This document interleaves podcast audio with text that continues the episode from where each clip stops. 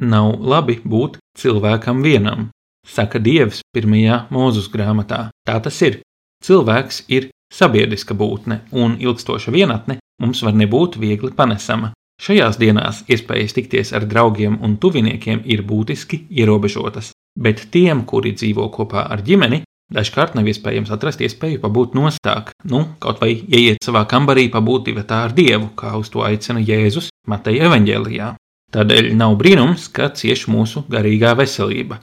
Janvārī portāls Delfi rakstīja par pētījumu, kurā atklāts, ka 63% aptaujāto Latvijas jauniešu pandēmijas laikā pasliktinājusies garīgā veselība. Šis laiks ir izaicinošs ne tikai jauniešiem, bet ikvienas paaudzes cilvēkiem. Tādēļ rubrikā Izpētām uz sarunu esam aicinājuši divas garīgās veselības speciālistes. Mani sauc Augusts Kolums, un šis ir Savienots. Esi savienots ar mums, Radio Marija raidījumā Savienots. Raidījums sadarbībā ar Kristīgo portālu Tuvumā.CLV. Uzklausām, vērtējam, izpētām un iesakām. Trešdienās, pulksten piecos pēcpusdienā. Esi savienots!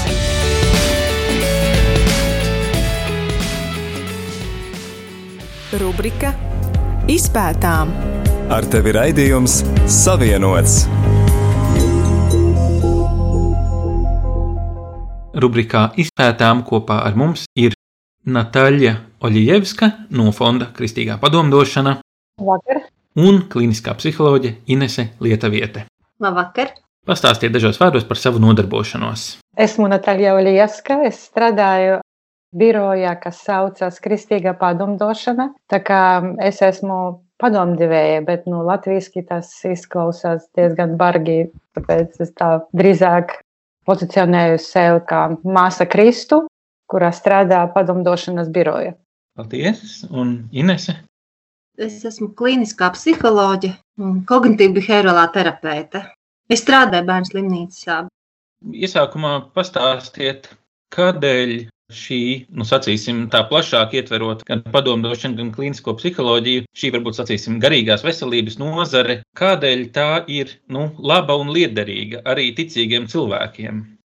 Ticīgie cilvēki neatšķiras no pārējiem cilvēkiem. Un visas tās emocijas, problēmas, gan iekšējas, gan ārējās, ir ļoti, ļoti raksturīgi visai cilvēcei. Es domāju, ka tas ir ļoti universāla lieta. Arī pilnībā piekritīšu šim viedoklim. Dažkārt dzird arī tādu viedokli, ka, nu, ja cilvēkam ir kārtībā visas viņa attiecībās ar Dievu, tad jau nu, nekādas šādas jā, pasaulīgas problēmas īsti nebūtu aktuālas. Un arī psiholoģija un padomdošana, ja tas tiešām ir vajadzīgs, tad to taču var saņemt no draudzes mācītāja. Kādēļ tad tomēr ir vajadzīgi tādi, jā, nu, tādi lietpratēji speciālisti kā jūs? Kristieši vēršas pie ārsta, ja ir saslimuši, un nevis pie draudzes mācītāja, kā tas varbūt bija viduslaikos. Nu, tas kaut ko liecina, ka mēs esam cilvēks ar visām mūsu jomām, gan to bioloģisko, gan psiholoģisko, gan garīgo. Un 21. gadsimtā ļoti, es domāju, adekvāti meklēt palīdzību tur, kur strādā profesionāļi. Ja mums ir kāda bioloģiska problēma, somatiska, mēs vēršamies pie ārsta. Ja tā ir psiholoģiska problēma, mēs meklējam speciālistu, kas tieši šajā jomā ir mācījies un specializējies. Un garīgās lietas mēs runājam ar draugu mācītāju. Jā, tieši tā. Tas ir brīnišķīgi patiesībā, ka ir tāda iespēja iet pie mācītāja, izrunāt garīgas lietas, un starp citu, bieži vien arī mans mācītājs aicina cilvēkus aiziet pie manis. Starp citu, daudzie cilvēki nāk pie manis caur mācītāju tieši tā. Un es pieņemu, ka arī mācītājiem parasti ir tādas noslogotas dienas. Tā ir viena lieta. Un otra lieta - mācītājs ir vīrietis, un tur ir sievietes, kuras meklē palīdzību pārsvarā. Mums to jāatzīst. Tā kā tas ir vēl viens aspekts, un es piekrītu, ka arī tas aspekts, kas saistīts ar emocijām, kaut kādiem iekšējiem procesiem, kaut kādai nesaprāšanai, kas varbūt arī pieprasa ilgāku laiku, lai izmeklētu, kas tur īsti notiek. Tā kā es domāju, darbs ir Un, ja mēs domājam par nu jā, par garīgo veselību un par vārdu garīgs. Vai tā ir vai nav, kas šeit pārklājas tas, ko dara nu, tāds varbūt garīgums, tādā ziņā kaut kas reliģisks, kaut kas, ko saņemam baznīcā, kristīgā draudzē, un garīgā veselība, kā par to runā medicīna. Vai tas ir garīgs tādā pašā nozīmē, vai vienkārši nu, latviešu valodā tas tā neveikli izveidojies, ka par abām divām lietām runājam ar vienu un to pašu vārdu? Latviešu valodā tā ir vācu valodas ietekme un iespējams arī krievu valodas ietekme. Anglosaksiskajā pasaules daļā angļu valodā ir mental health. Un līdz ar to šīs psiholoģiskās problēmas vai jautājumi ļoti adekvāti iedarās psihologu lauciņā. Bet, protams, nevar noliegt, ka cilvēks ir vienots veselums. Bieži vien somatiskās problēmas ietekmē mūsu psiholoģisko pašsajūtu, garīgās grūtības un jautājumi atspoguļojas arī mūsu emocijās un varbūt pat veselībā. Tā kā noteikti cilvēks ir vienots veselums, kā tāds audums, kas ir austs no dažādām šķiedrām, bet turas kopā vienā gabalā un tā tam ir jābūt. Jā. Jā, cilvēks ir diezgan tāda sarežģīta būtne. Un, um, tā kā rakstīts romiešiem, 12. nodaļa, 2. pāns, ka mēs atjaunojamies savā garā. Un tur, kur ir gars, tur ir prāts, tur ir sirds, tur arī diezgan plaši emocijas saistītas. Tā kā es piekrītu, tā ir, ka cilvēks ir ļoti, ļoti sarežģīta būtne un viss ir savienots. Kā mēs jūtamies, un e, viss ir atkarīgs no fiziska ķermeņa, arī garīga veselība viņa ir pakļauta tam visam. Tā kā mēs pēc dieva tēla veidoti, un dievs arī diezgan sarežģīti. Mēs nesaprotam viņu, un mums ir tie visi elementi, kas dievam ir piešķirti. Tā kā viss ir savienots kopā. Mm, jūs minējāt par Dievu un par to, ka Dievs ir sarežģīts. Es domāju, Dievs ir, ir trīsvienīga būtne un arī par cilvēku. Dažkārt saka, nu, ka viņš sastāv no miesas, dvēseles un gara. Nu, un ja miesu mēs vēl tā saprotam, ka tas ir tas, ko var redzēt un aptaustīt, tad kā jūs nošķirtu, kas ir dvēsele un kas ir gars? Ja vispār ir vērts šādu dalījumu veidot? Dzirdu tādu klusumu. Tas noteikti ir lielais jautājums, un um, es atbildu kā psihologs. Līdz ar to nu, psiholoģijā mēs maz runājam par dvēseli kā nemateriālu mūžīgu esību.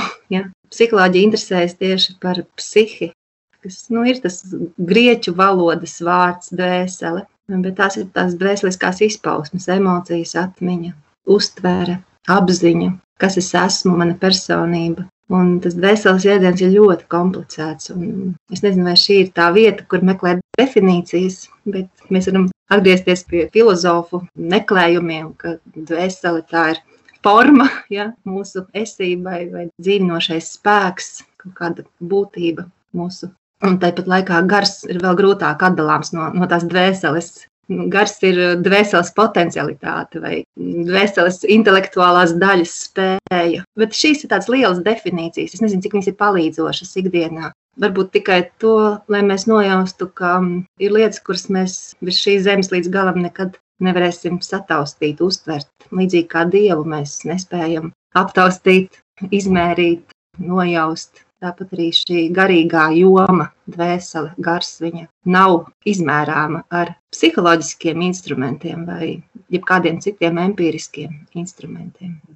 Un es uzskatu, jā, es pilnīgi piekrītu, ka šī sfēra tik tiešām līdz galam nav saprotama, un es drīzāk par to priecājos. Tomēr jādod dievam, kā lai sāk savu vietu. Jā, mēs nesaprotam līdz galam dievu, un tas ir labi jo viņš ir visvarenais. Un tas ir labi, ka mēs varam paļauties uz viņu. Un, jā, ir arī jomas, kas ir saistīta ar cilvēku, kā viņš uzbūvēts, joprojām nav zināms. Zinātnieki nesaprot, kā veidojas domas, piemēram.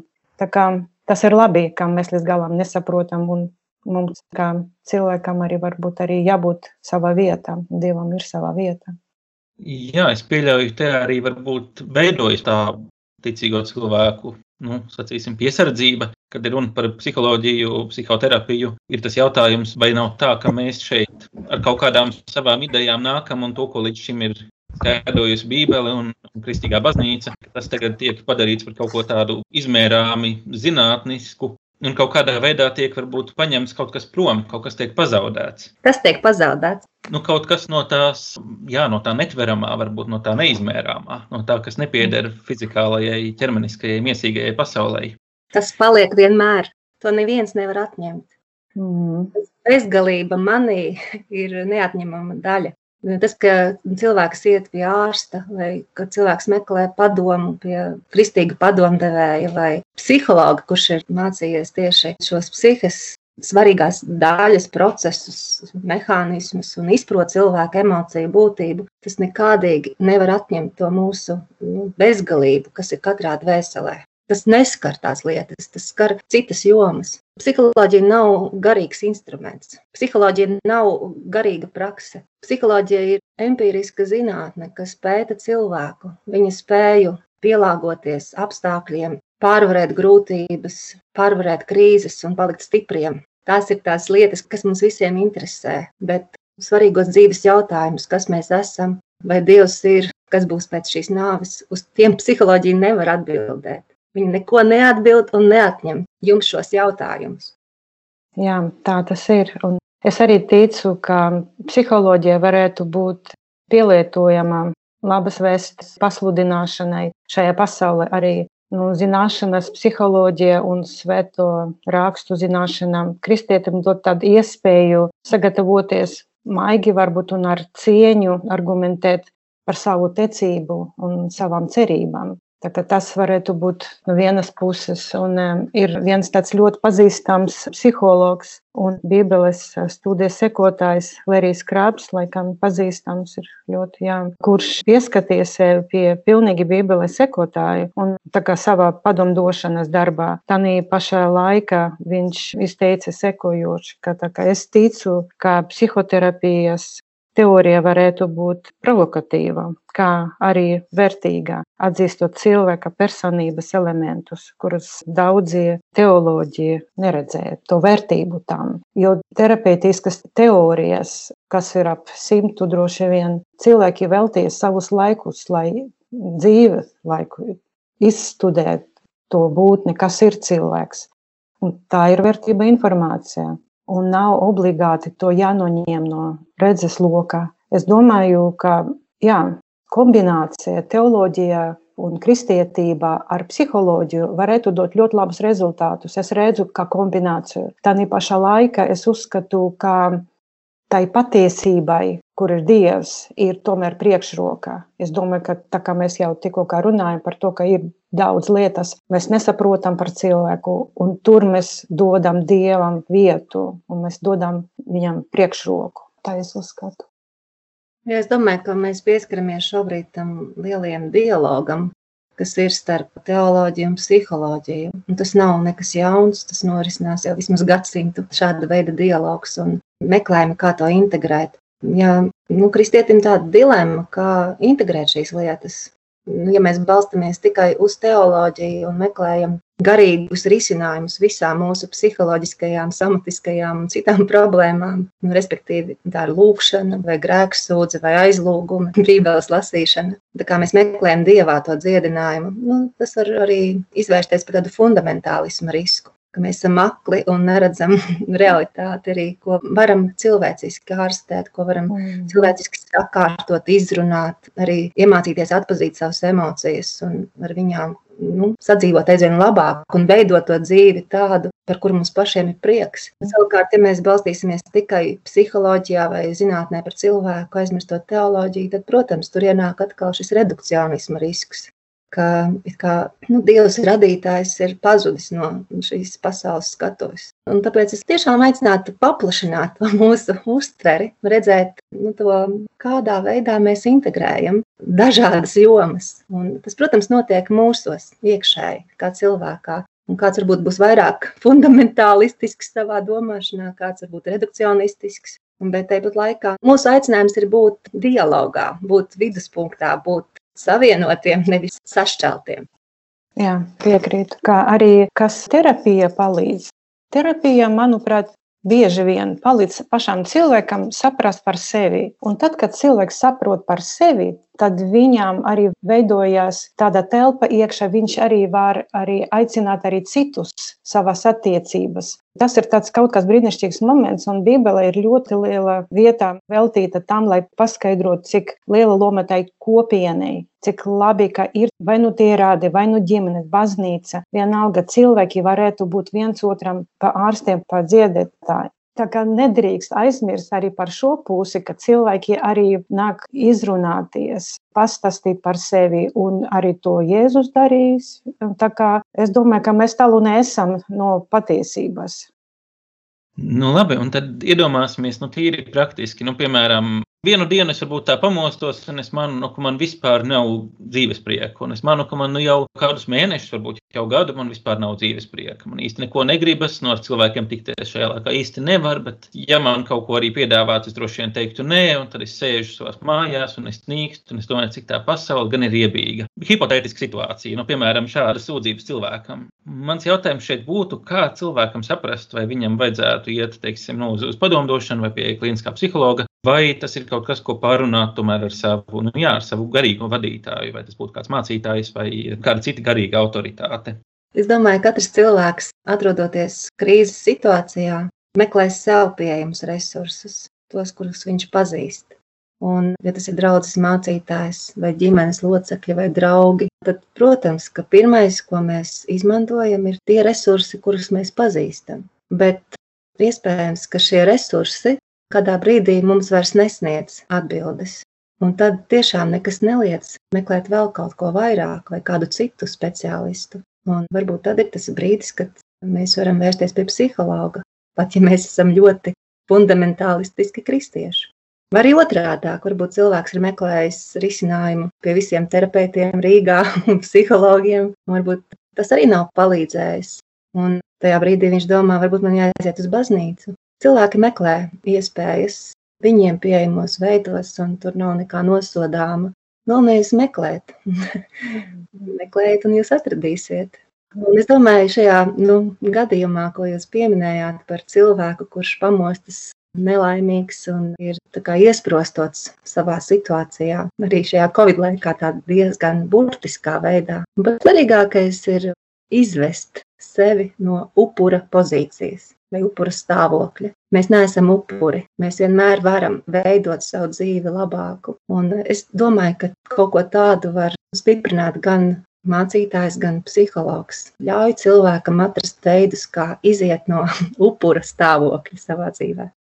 Jā, piekrītu un gribu piebilst, bišķiņ, ka būtu labi vispār līdz tādām stāvoklim nenovērst sevi un ar pirmiem simptomiem jau griezties, meklēt. Un piekrītu, tam nav obligāti jābūt profesionālam, arī jābūt draugam, jo pat terapija pamatā ir attiecības, uzticība. Bez tā nekur nevar darīt. Un, ja tam cilvēkam ir kaut viens cilvēks, kurām viņš varētu piezvanīt vai satikties, pastaigāties, tas jau būtu labi. Tā kā pirmkārt negaidīt, kamēr tas ir tāds akūts variants, un Otrais - meklēt palīdzību, kur ir tuvāk. Tik tālu par teoriju. Pastāstiet, varbūt, kā tas izskatītos praksē. Ja nu, šāds cilvēks ar nu, tādām sūdzībām, kā pirms mirkli runājām, tagad atnāktu pie jums uz konsultāciju, ko varētu sagaidīt, ko jūs ar viņu darīsiet? Nu, mans jautājums būs pirmais, kas jūs atved uz šo vietu, kas ar jums notiek. Tas nu, būs laikam tas sarunas sākums ļaut cilvēkam pateikt, kas ar viņu notiek. Es pilnībā piekrītu. Pilnībā piekrītu šajā ziņā. Es vienmēr uzdošu jautājumu, kas jūs atved, kas ir, kas ir mērķis, ko jūs vēlētos no šīs sarunas ar mani. Jo tikai cilvēks pats zina, ko viņam vajag.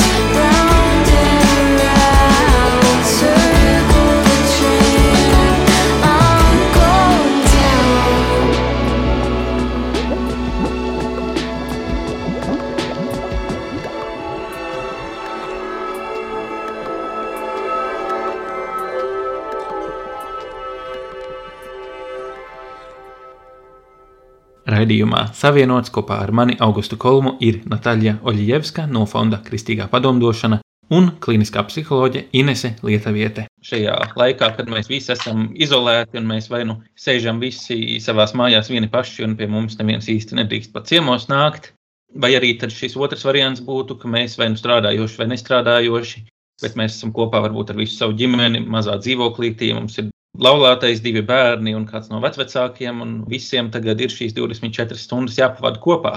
Un atkarībā no tā, kāds nu, ir raksturs cilvēkam, un vai viņš vairāk dzīvo no šīs sabiedrības, vai tā viņu nogurdina. Arī šīs dažādas situācijas var būt izaicinošas, nepierastas un jāradīt grūtības, kuras ilgtermiņā, es pieļauju, var atstāt arī smagākas sekas cilvēkam. Kā jūs komentētu šo laiku un šos divus izaicinājumus? Būt norobežotam no visiem, vai arī būt situācijā, kur nav iespējams atrast laiku sev pašam? domāju, ļoti skaists tāds pretnostatījums, ka cilvēki reizēm cieši no vientulības, reizēm cieši arī no vientulības ģimenē, esot blakām ar citiem cilvēkiem, vai arī varbūt tās vienatnes trūkuma. Bet arī šajā visā aprakstā man šķiet ieskanējās tā sajūta par to, ka katram ir savas grūtības, un to grūti ir vispārināt. Es tiešām neņemos spriest, kas ir tāds vispārinošais vārds šim Covid laikam. Es domāju, ka katrs atklāja par sevi kaut ko jaunu. Noteikti izaicinājumu apstākļos mēs atklājam arī diezgan nepatīkamas lietas paši par sevi, par savu raksturu vai savām reakcijām. Un man šķiet, ka visgrūtāk jau ir tikt galā ar sevi. Ja? Vieglāk ir varbūt mēģināt vainot apstākļus, vai, vai vainot ģimenes locekļus, vai vainot valdību, vai vienalga kādu citu. Viņam uzvelt atbildību par šo stāvokli, bet Vienīgais, ko mēs varam ietekmēt un mainīt, esam mēs paši. Līdz ar to viennozīmīgi šis laiks ir liels sastapšanās laiks ar sevi ierobežojuma apstākļos. Kā es uz to reaģēju? Un mēs visi nu, esam vienā laivā, tomēr es teikšu, laivu izmēri ir ļoti dažādi. Kādam šis laiks nav tik ierobežojošs, kā tiešām ģimenei, kas dzīvo mazā dzīvoklītī ar maziem bērniem un cenšas strādāt vienlaikus. Nu, es domāju, nevar salīdzināt kādu ar citiem. Jā. Mēs katrs tiekam galā savā veidā, vai arī netiekam galā. Jā, tā tas ir. Katram ir savs stāsts savi atsevišķi tādi apstākļi iestarījumi. Tā kā vispārināt, tā kā diez vai tur atsevišķi pieeja pie katrā gadījumā. Diemžēl mēs dzirdām statistikas, kā arī mājas cilvēki laika vardarbība un cieši bērnīgi. Un gan pieaugušie. Tā kā viss, kas notiek, bet es domāju, ka arī no vientulības arī var būt. Es atceros arī pavasarī. Pa trim mēnešiem mans dēls atbrauc vienu reizi, atved man pārtiku, un mēs tālam skatāmies viens uz otru, un pat ap skāvienu nevaram piedāvāt. Nu, tas bija nu, tā dīvaini. Bet es arī gribu tā kā bišķiņ pavilkt uz to pozitīvu noti. Tas bija laiks tiešām Tā kā šoks var būt dažas nedēļas, bet arī daudz darbus mājas, daži projekti bija izpildīti. Gan kaut kāda adīšana, tamburēšana, kaut kādi projekti, saramontēt, tas bija laikam pirmais, bet pēc tam jau bija laiks, kad pišķiņ bija grūtāk un aizgājām strādāt online. Un tad bija skaidrs, ka jau jāiet ārā, jāstaigā. Un tas viss agents Kalns krustām šķērsām bija izstaigāts. Visas ielas var ekskursijas tagad vadīt tādi kuliāri tagad pazīstami, kā nezinu, ko darīt. Tas bija interesanti, bet arī kaut kā arī bija laiks paskatīties uz debesīm, papriecāties par to saules stāriņu, par zvaigznītēm. Es atradu, ka man pavasarī man tā Venēra tā planēta tieši man virtuvē spīd. Es nekad nezināju. Tā kā ir tādas lietas, kas bija pozitīvas, kaut kādas prioritātes salikt kārtībā, sakārtot, papriecāties gan par ūdeni, gan par siltumu. Nu, tādas vienkāršas lietas, par kurām tiešām gribas pateikties. Un es arī domāju par kaut kādām attiecībām, kaut kas sakārtojas, nu, kaut kāda tirīšana notīkā. Tā kā tas laiks bija arī produktīvs. Es tagad gribu atkal griezties pie Bībeles, kā, mēs zinām, ka tiem, kas mīl Dievu, visas lietas nāk pa labu, jā, romiešiem astota nodaļa. Jā, tā kā es gribu bišķiņ tā kā cilvēkus paviltu, skatīt uz to gaišāku pusi. Varbūt jūs varētu dot kādus padomus, ieteikumus, kā labāk izmantot šo laiku, kad nav iespējas satikties ar cilvēkiem klātienē tā, kā gribētos. Tas, protams, ir skaudri piedzīvot tādu pilnīgu vientulību, bet no otras puses mums katram ir kādi tuvinieki, draugi, klases biedri. Iespējams, ka tas ir brīdis, kad censties atjaunot kontaktus, uzrakstīt kādu ziņu, piezvanīt kādam cilvēkam. Es zinu, ka tas ir grūti, bet šobrīd ir sācies lielais gavēnis, un tā arī var būt laba gavēņa apņemšanās katru nedēļu sakontaktēties ar kādu cilvēku, kas ir mūsu dzīvēs bijis svarīgs, kuram varbūt mums ir vienmēr pietrūcis laika. Nu, piezvanīt, piemēram, savai klases audzinātājai, vai kādam trenerim, vai kādam citam nozīmīgam cilvēkam, ja nav radinieku. Tā kā es domāju, ka šis ir tāds tiešām, kā jau izskanēja, tāds attīrīšanās laiks un prioritāšu izkristalizēšanās laiks. Un noteikti ieteiktu mācīties jaunus veidus, darīt lietas, ko mēs neesam darījuši turēties arī pie struktūras, mēģināt ieviest dienas režīmu. Kā jau bieži te izskan, doties pastaigās katru dienu. Daudz to dara, un patiešām es zinu daudzus cilvēkus, kuriem šis jaunais paradums katru dienu veikt desmit tūkstošu soļu ir ienesis ļoti labas izmaiņas dzīvē. Šis ir laiks, ko mēs varam kaut kādā veidā izmantot. Es būtībā, protams, negribētu apgalvot, ka krīze ir vienmēr laba vai noteikti nāks par labu. Nevaram to vispārināt uz visiem cilvēkiem, jo varbūt kādam tas patiešām ir pārāk grūti un tas salauzīs tā, ka kaut kas varbūt nevarēs tikt atjaunots. Bet tāpat laikā es ceru, ka lielākajai daļai no mums ir spēks dzīvot un izdzīvot šo laiku un arī mācīties kaut ko jaunu. Nu, burtiski dažas lietas Iespējams, ja bija kaut kādi sapņi, bērnība kaut ko, un nebija laiks iztenot, varbūt tas ir tās atgriezties atpakaļ atmiņā un gribējies to un šit, un varbūt no tās puses mēģināt kaut ko iztenot. Varbūt kādu dzīvnieku paņemt, nezinu, kaķi, suņi, kad arī gribējies, un tagad ir tas laiks varbūt, lai nav tik garlaicīgi, ja cilvēki dzīvo vieni paši.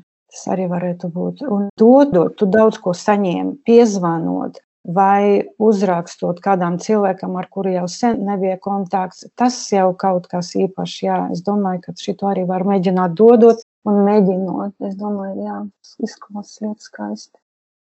Un ko tad darīt tiem otriem? Tiem, kuriem ir jā, nu, līdzās laulātais, bērni, suns, kaķis, divi vecvecāki vismaz, un tas viss maziņā dzīvoklītī, kādā Rīgas guļam rajonā, Es pieņemu, šie cilvēki to laiku noteikti izjūt citādāk nekā tie, kur ir vieni paši, un arī tie izaicinājumi ir citi. Kāds padoms būtu šiem cilvēkiem, kā viņiem paciest vienam otru nepārtraukto līdzās būšanu? Negribās dot vieglus padomus, jo viņu nav. Bet nu, es domāju, ka jūs intuitīvi jau jūtat, ka ja mēs esam ļoti saspiesti.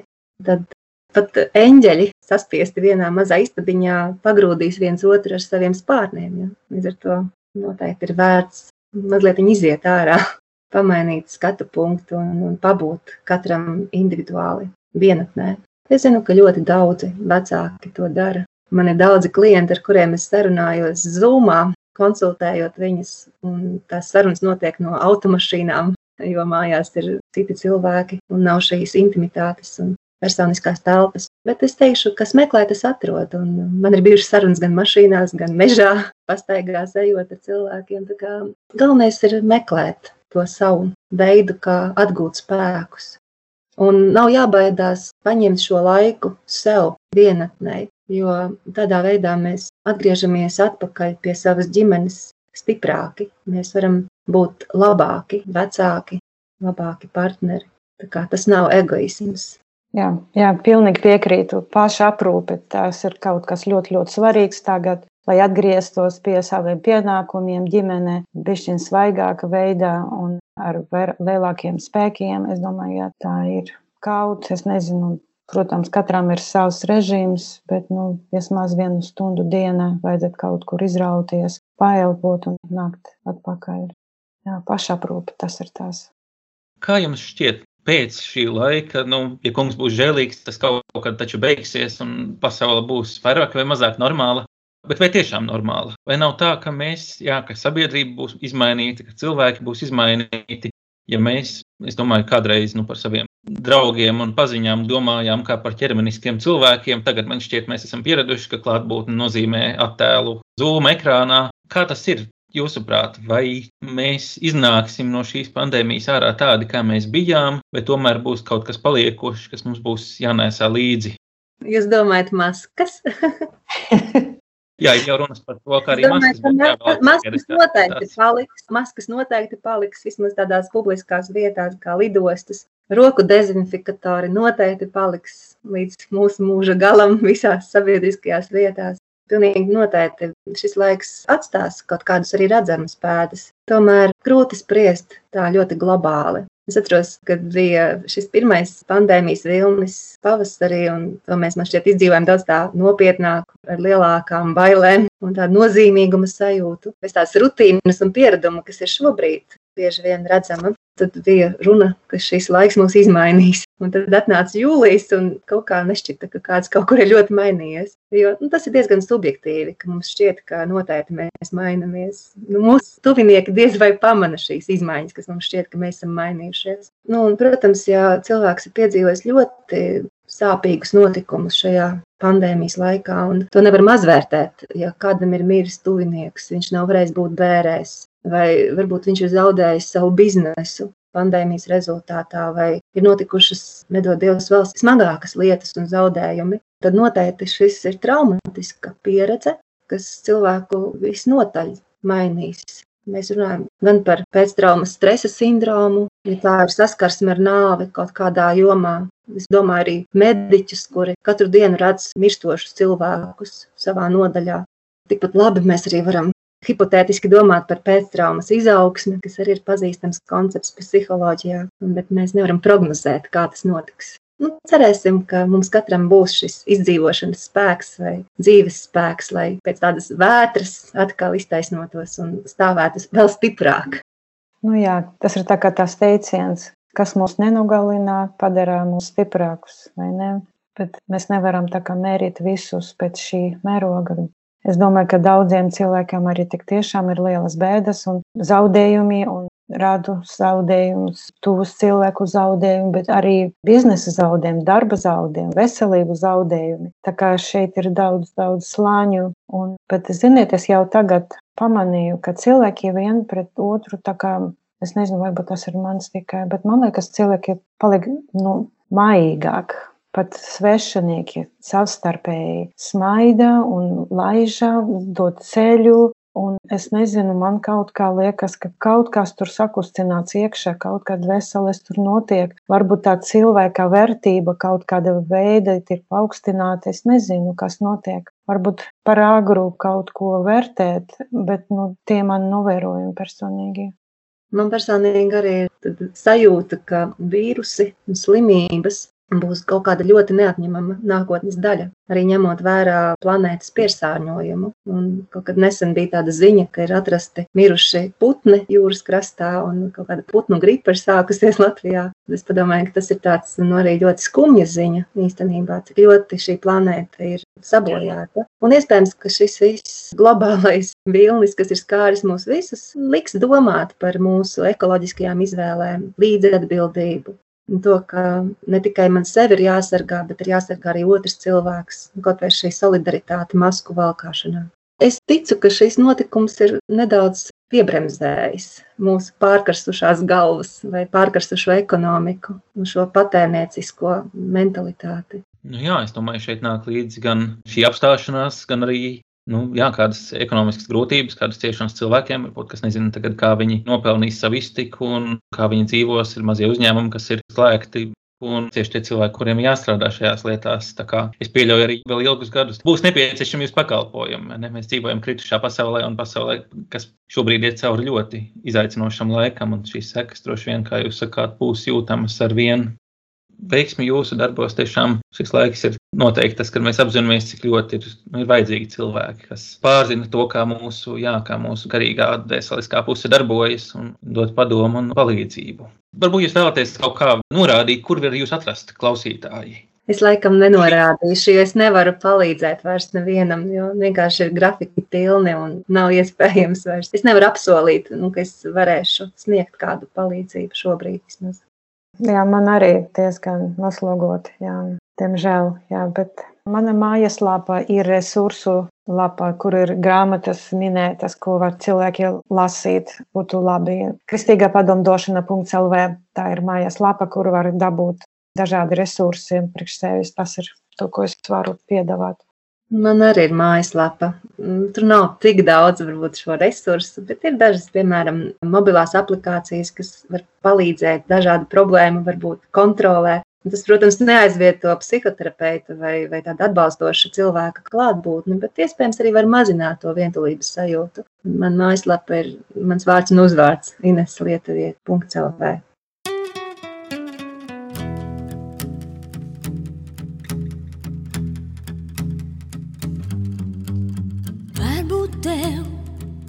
ir jāzaudē kāds, lai saprastu, ka ir kas labāks, jā, labāks. Varbūt tev ir jānokrīt zemu, lai dabūtu veselā saprāta dabu, jā, dabu, tad kājās pašas mani aiznes. Uz to vietu, uz to vietu, kur ir laime, jā, laime. Mana laime ir manā dievā, kurš saprot mani, jā, kurš saprot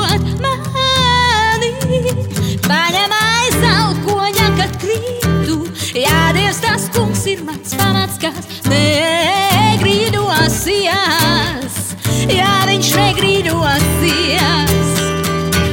Paņem aizelkoņa, kad krītu, ja Dievs tas kungs ir mans pamats, kas negrīdosies, ja viņš negrīdosies.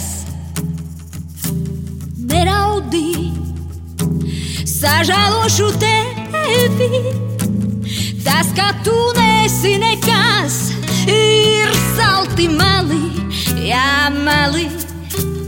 Nebēdā par to, kas reiz bijis, skatur aiz kalna, jau saule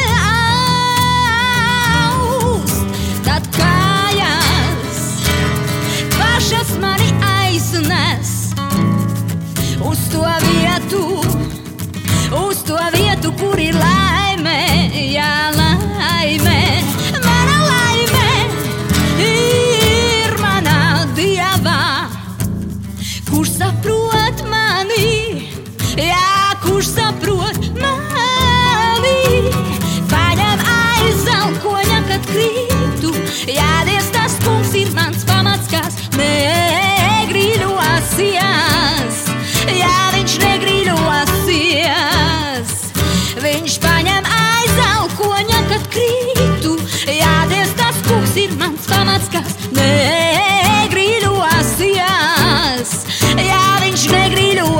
negrīļosies. Neraudi, neraudi, sažēlošu tevi.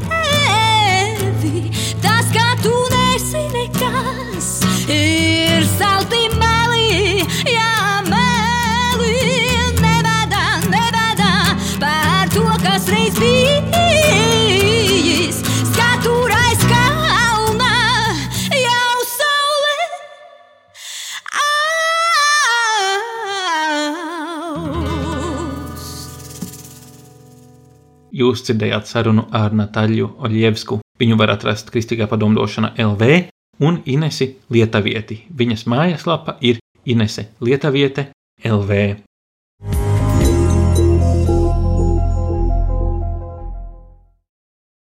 Raidījumu savienots var klausīties arhīvā pie Apple podkāsts un Spotify.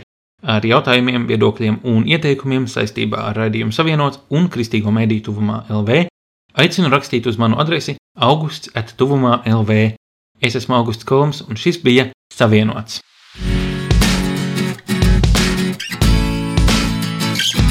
Tu klausījies raidījumu Savienots. Būsim atkal ēterā trešdien pulksten piecos pēcpusdienā. Klausies mūsu radio Marija un lasi kristīgo portālu tuvumā.clv. Esi savienots!